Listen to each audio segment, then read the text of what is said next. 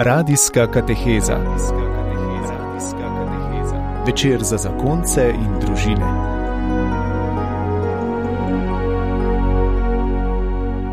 Drage poslušalke, spoštovani, lepo pozdravljeni, blagoslovljeno, srečno, veselo, mirno novo leto vam želim.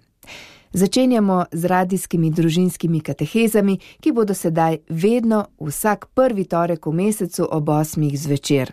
Kot smo navajeni, prebiramo papeževo apostolsko spodbudo radost ljubezni, prišli smo do sedmega poglavja, tokrat pa se bomo izjemoma vrnili na tiste tri besede, ki jih papež Frančišek vedno znova ponavlja, ko se sreča z družinami pravi, da bi se mogoče na prvi pogled zdele preproste, pa vendarle, če izginejo iz naših družin, iz naših domov, potem ni več razloga za smeh. Gre za besede smem, hvala, oprosti. Najprej bomo prisluhnili papeževi katehezi, prisluhnili bomo njemu, ki nas vedno znova s svojimi besedami tako osebno nagovarja, potem pa se nam bosta v studiu pridružila Vilma in Dani Siter iz Društva Družina in življenje, ki bosta njegove besede pokomentirala in pa seveda vključila svoje pričevanja, svoje življenje, povedala, kako pravzaprav to konkretno vsak dan živeti. Vabljeni k poslušanju, vabljeni pa tudi k poslušanju vseh naših nadaljnih katehez, torej vsak prvi torek v mesecu bomo z vami. Sedaj pa papež Frančišek. Cari fratelli e sorelle, buongiorno.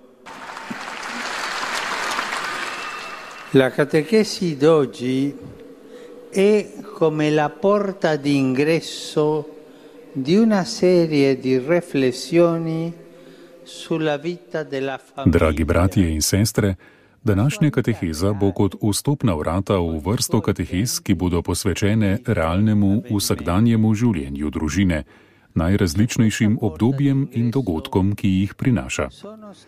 Na teh vstopnih vratih so napisane tri besede, o katerih sem že nekajkrat govoril: smem, hvala in oprosti.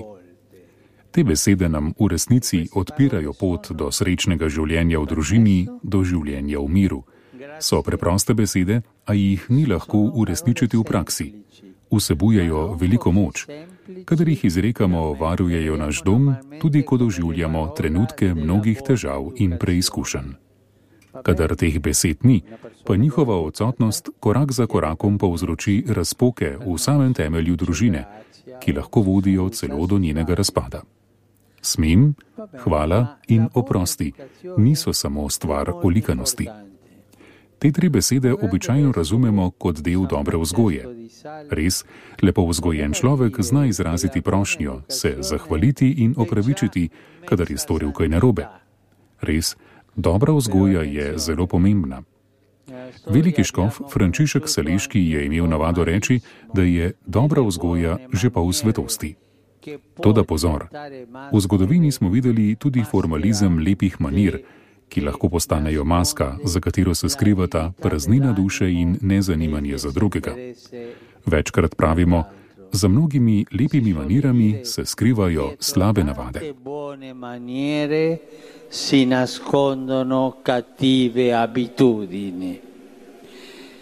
Nemmeno la religione è al riparo da questo rischio che fa scivolare l'osservanza formale nella mondanità spirituale. Pred to nevarnostjo ni varna niti vera. Taka drža lahko vodi do golega spoštovanja pravil in nekakšne svetovljanske duhovnosti. Celo hudič, ki je skušal Jezusa, izkazuje ulikanost, citira svetopismo, je kot teolog, njegov stil je korekten, a njegov namen je odvrniti od resnice o božji ljubezni. Mi pa razumemo dobro vzgojo v pristnem pomenu besede, v katerem so odnosi trdno ukorenjeni v ljubezni do dobrega in spoštovanju do drugega. Družina živi iz te rahločutne želje po dobrem. Smem, bolj je ljubezen intimna, bolj je sposobna čakati, da drugi odpre vrata srca. Prva beseda je smem ali smem, prosim. Če nižno prosimo za dovoljenje, tudi kadar mislimo, da nekaj lahko zahtevamo, da nam nekaj pripada, resnično ustvarjamo prostor za pristni duh skupnega zakonskega in družinskega življenja.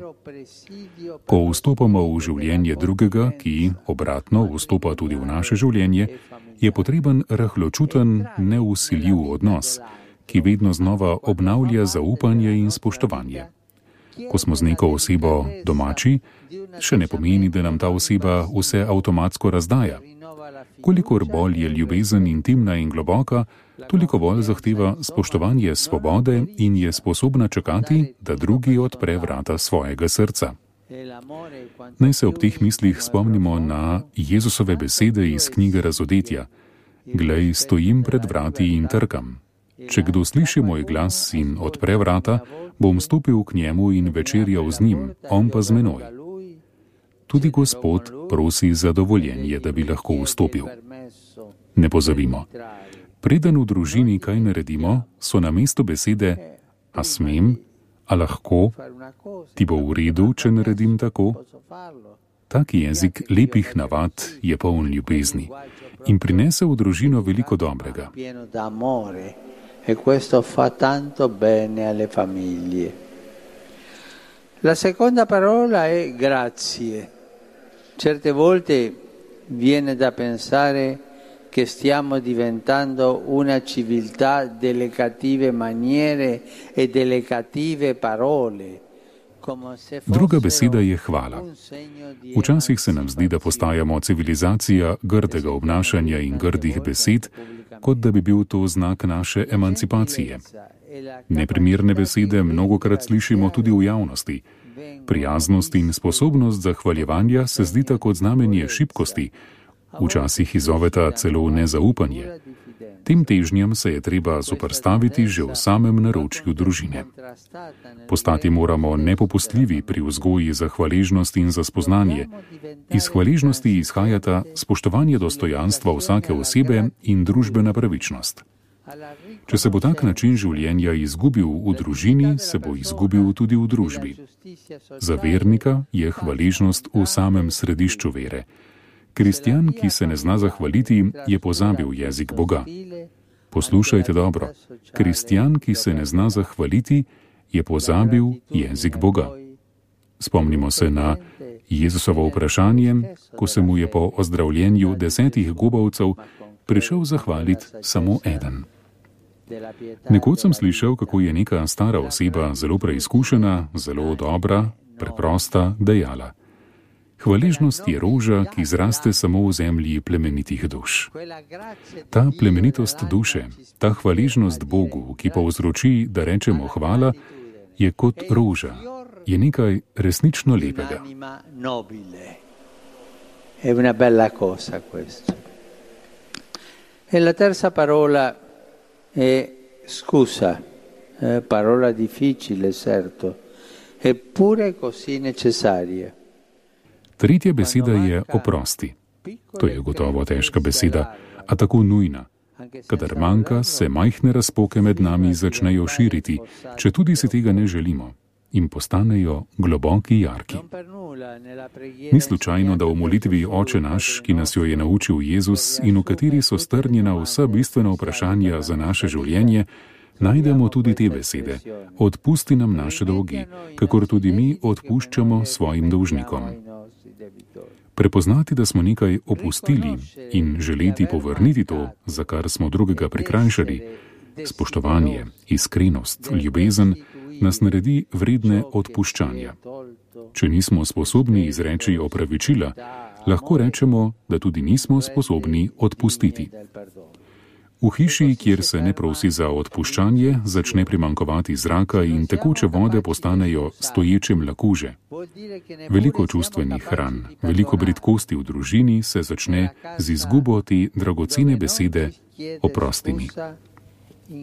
V zakonskem življenju so tudi prepiri, trenutki, ko letijo krožniki. A dajem vam na svet. Nikoli ne zaključite dneva brez pomiritve. Poslušajte, Ste se prepirali z koncem, otroci starši?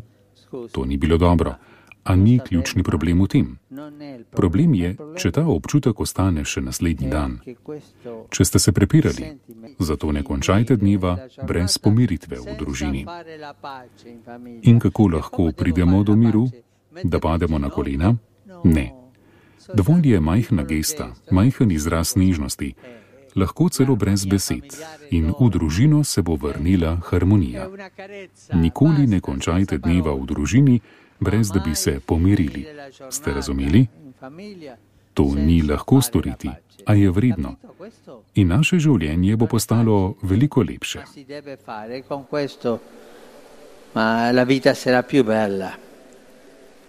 Queste tre parole chiave della famiglia sono parole semplici. Te tri ključne besede za družino so preproste in ob njih se bomo morda najprej nasmehnili. Ako jih pozabimo, ne ostane ničesar več, čimur bi se lahko nasmejali. Drži? Naša vzgoja jih morda preveč zanemarja. Naj nam Gospod pomaga, da jih bomo postavili na pravo mesto, v svoje srce, v svoj dom in tudi v naše sobivanje v družbi. Zdaj pa vas povabim, da skupaj ponovimo te tri besede. Smem, hvala. In oprosti. Vsi skupaj. Smem, hvala, oprosti. To so besede, s katerimi vstopamo v pristno ljubezen v družini. In zdaj ponovimo še na svet, ki sem ga dal: nikoli ne končajmo dneva brez pomiritve. Hvala. Grazie.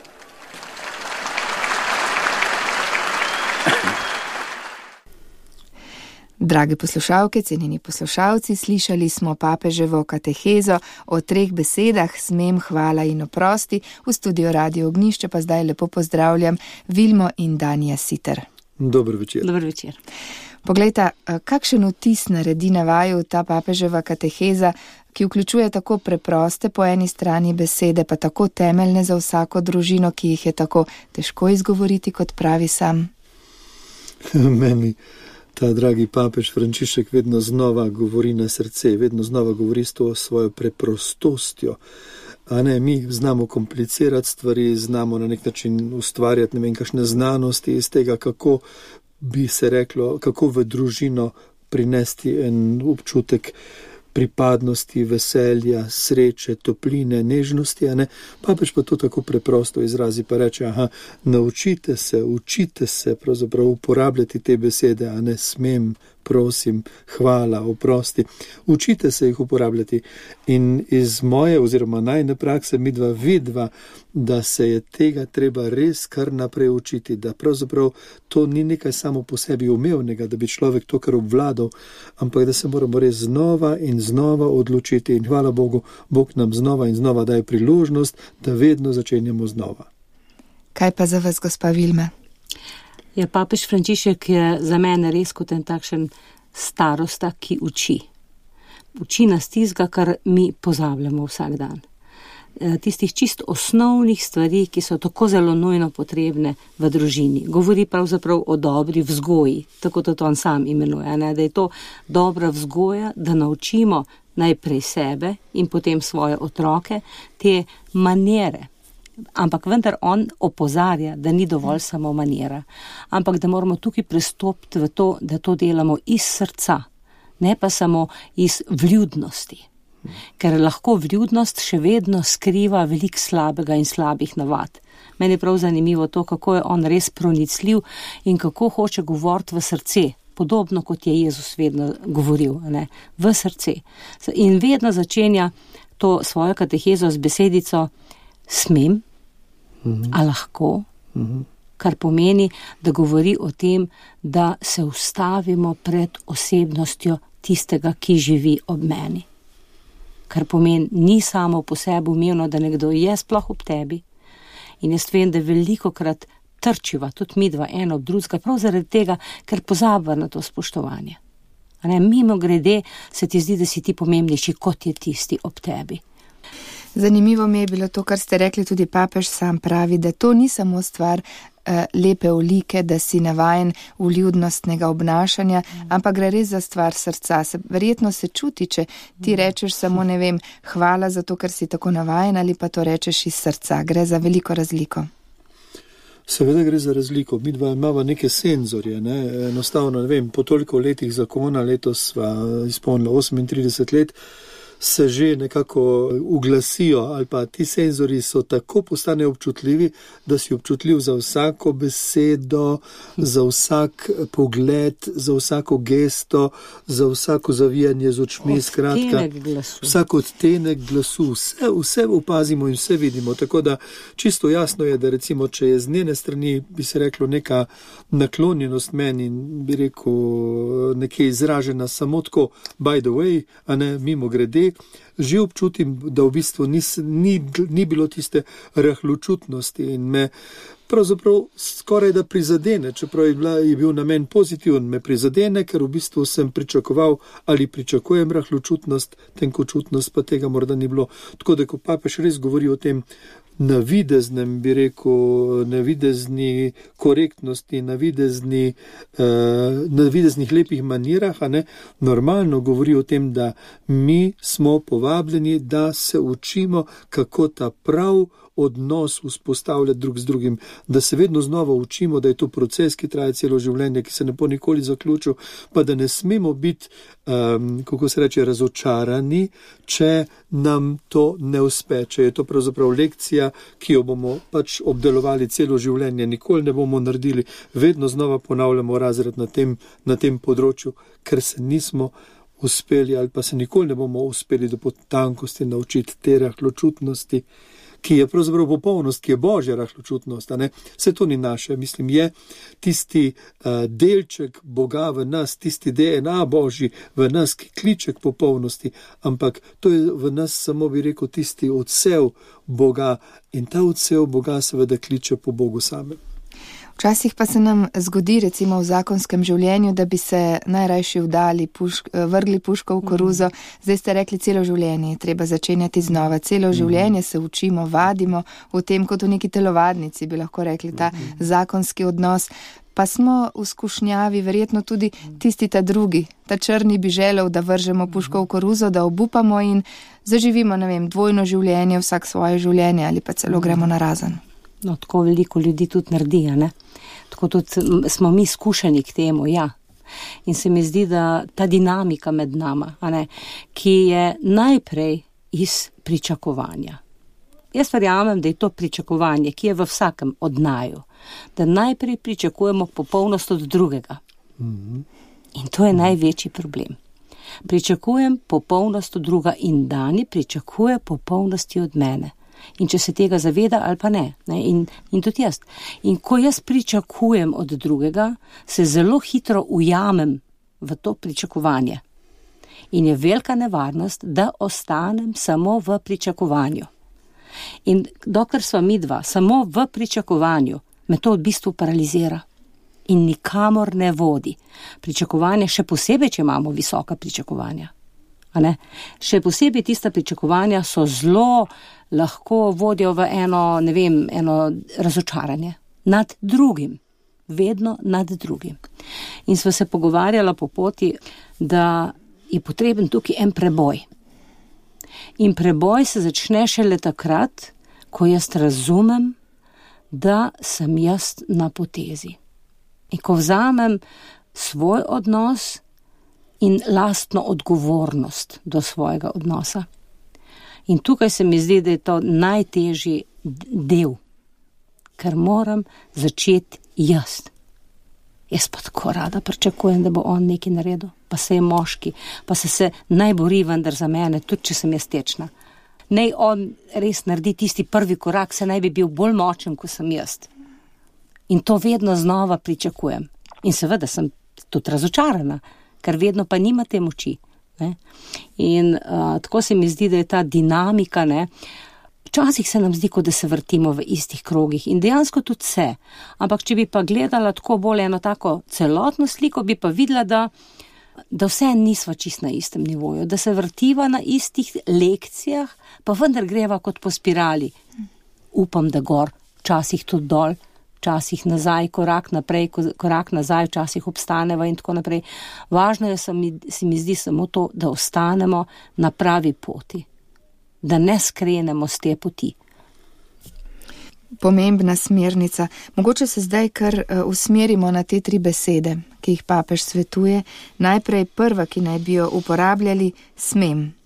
Prej ste že omenili, gospa Vilma, da se včasih drugega vzamemo kot nekaj samoumevnega. Se pravi, papež celo se mi zdi nekje pravi, da ga pohodimo kot slon, da gremo s tistimi velikimi nogami, namesto da bi vstopili rahločutno, mu dali prostor. Kako to storiti?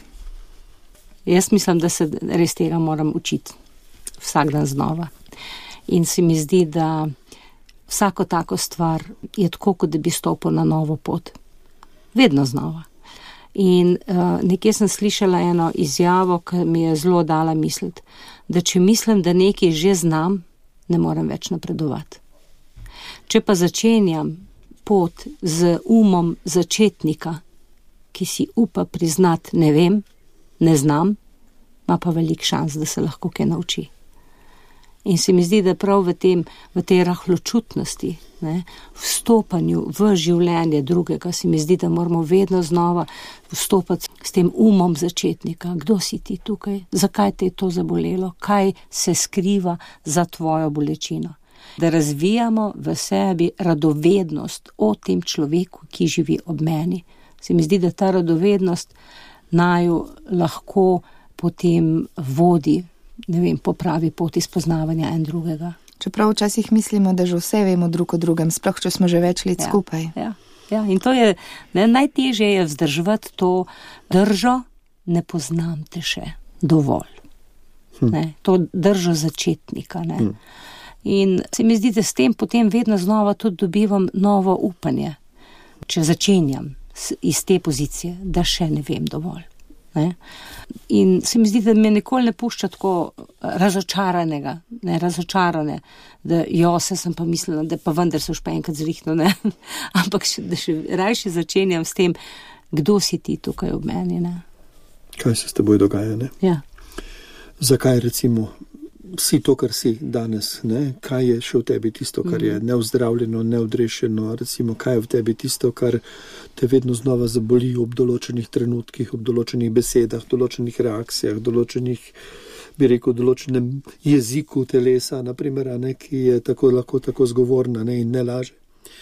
Eh, no, mene pri tej zadevi, recimo, nagovarja papež Frančišek v tem delu, kjer da primer Jezusa. Hm.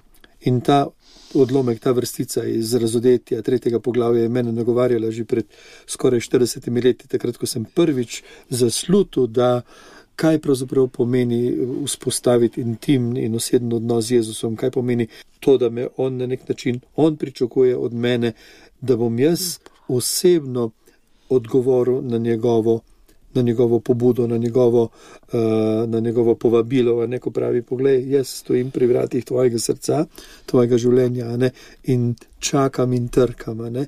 Nisem nasilen, bi z drugimi besedami lahko tako rekel, pravi papež. Ne. Jezus noče nasilo vdirati, ne. noče niti nasilo prinesti v moje življenje ljubezni. Ne. Tudi to, da Bog prinaša v moje življenje ljubezen in da prinaša v moje življenje mir in da prinaša v moje življenje ozdravljenje, tudi to Bog ne dela na silo. Tudi to Bog pričakuje ali pa na nek način želi moj osebni in svobodni pristanek, mm. moje sodelovanje. Jaz, in ko slišim, naprimer, trkanje na vrata, sedim v sobi, pa slišim, da nekdo trka, lahko zakričim, vstopi, lahko grem, postanem, vrata odprem, ali pa lahko tisto osebo ignoriram. Torej, kaj jaz naredim, recimo, ko slišim to trkanje? Ne? Se pravi, to je prva stvar. Druga stvar je, da ko jaz recimo na nek način vstopam v intimno območje moje žene, ne, to mi hoče papež povedati, ne, naj to storim z eno tenkočutnostjo, z eno nežnostjo, z enim, bi rekel, spoštovanjem tvoje osebnosti, tvojega dostojanstva, ne, pa tega toliko krat ne naredim. Ne? Toliko krat pravzaprav bi se reklo iz neke navajenosti, iz neke, uh, iz neke uh, rutine, a ne butam po vratih tvojega srca in tako naprej in od tebe zahtevam, da nekaj narediš, ne? kar je čisto nasprotje tistega, kar Bog pričakuje od mene, ko me uči po papežu Frančišku to besedo, ali smem ali si, kaj pa ti v tem trenutku doživljaš, kaj se pa s teboj dogaja, kot je Vilma rekla, prej tista radovednost, a si ti v tem trenutku pripravljena na to, pa to, pa to, sem ti v nadlego, recimo s tem, ko to mislim ali pa to čutim ali pa to pričakujem. Skratka, toliko teh odtenkov je, če se le malo poglobimo v stvar, in to so tiste lekcije. To je ta manevrski prostor, ki ga imamo in to je ta izziv in to je ta privilegij, ki ga imamo v zakonci. Sploh po zakonskih skupinah, ko se o teh stvarih pogovarjamo, ne, se mi zdi, da to res toliko odpira ljudem nove obzorja, toliko ozavešča, kaj bo pa mi dva delala. Mi dva sta 30 let poročena, nima več kaj delati, mi dva sva med polizala, zdaj pa sem še garanje, pa sem še muka. Ne. Mnogi rečejo, zakaj pa je tako? Saj ni treba, da je tako. Papež nas opozarja, pogledajte, imate orodja, jaz vam dajem orodja, ključe za odpiranje srca, za odpiranje sreče v vašem življenju, v vašem odnosu. Vprašanje je, ali ste vi pripravljeni te ključe uporabiti. In ključ smem, prosim, lahko to naredim. Ti lahko to rečem, to je eno od teh ključev, ampak ta ključ se je treba naučiti uporabljati. Včasih imamo kakšne ključavnice, ne vem, če ste kdaj že bili v kakšni, eh, kakšnem gradu ali kaj podobnega. Se spomnim, ko so nam enkrat pokazali, kako so z njim ključem mogli najprej vrteti levo, desno, noter, ven, pa še enkrat ne vem kaj, a ne, predtem so tista vrata odprli. Vrata v intimo drugega človeka so zelo komplicirana in se moramo učiti, in to je ta prava lekcija. Hvala, papež Frančišek. Mogoče gospa Vilma še v povezavi s tem smem, papež pravi, da je treba biti sposobni čakati, da nam drugi odpre mm. svoje srce. Pogosto smo prav ženske tiste, ki rade pritiskamo na moškega, pa dej, pa dej, pa dej, da bi dosegle, ker smo tiste, ki nekako bolj čutimo, če nekaj ne štima v odnosu. Kako pa znati počakati? Ja, spet tako, da se učim. Ne? Pravzaprav naučila pa sem se nekaj, no, da, da ne, nasilo tukaj ne gre. Ne? In sila tukaj naredi ravno obratno, kar si jaz želim. In s tem, ko nekoga silim v nekaj, ga v bistvu še bolj ranjujem. Ga porinem proč od resnice, ga porinem proč od tizga, kar bi on mogoče tudi sam prišel do tega. In se mi zdi, da nas prav ta beseda, ne, smem in čakanje na to, da nekdo pride, da res izvira iz tistega osnovnega spoštovanja druge osebe.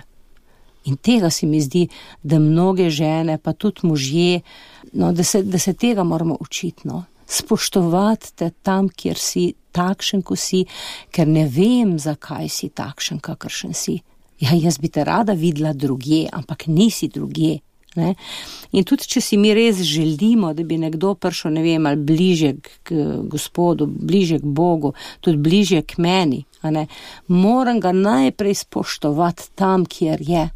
To je ena osnovna zakonitost. Če se tisti, ki, ki ga vabim, da bi ne vem, nekaj naredil, če se on ne bo čutil potrjenega tam, kjer je, ne bo imel moči, da bi naredil korak in je ne more narediti koraka, dokler nekdo nekoga sili, pa tudi če samo pričakovanjem, to je tudi ne, to je nasilje. To je nasilje. Sicer takšno, ne zelo, jaz bi temu rekla, manipulativno. Čuti se. Čuti se, čuti se. In takšno pričakovanje paralizira drugega. Se mi zdi, da prava spodbuda bi bila res to, da potrjuješ človeka tam, ker je v dobrem, ne v slabem. Ampak še vedno najdete človekovo dobro, tam, kjer tisti človek je, še vedno ima dobro. Mi smo pa večkrat tako v tisti svoji oski zagledanosti v svoj prav, da vidimo res samo negativno v drugem. Ne? In ne vidimo tistega dobrega, kar pa tisti človek naredi. In namesto, da bi hvalili tisto, kar je dobro, kar bi človeku dalo novega poleta, ustrajamo pri tisti svoji zahtevi, pri svojem pričakovanju in seveda ne, ne dosežemo učinka. In mnogo žena ustraja na tem leta in leta. In tako se mi zdi, no, da se nočemo naučiti enih lekcij. Ne? Pa bi bil, nam bilo potem lepše in lažje. Lepše in lažje, ja. Ker to pa vidiš potem iz drugih, ki pa so naredile to. Mm. Kakšen lep razvoj pride v takšni družini.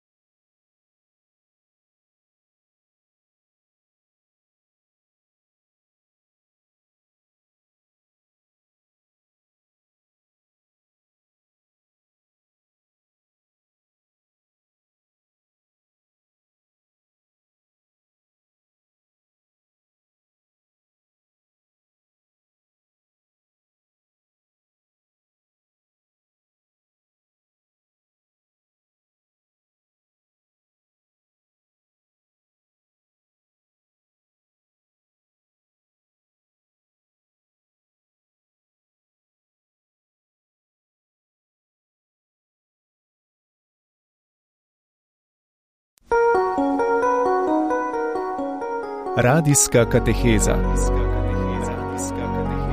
Večer za zakonce in družine.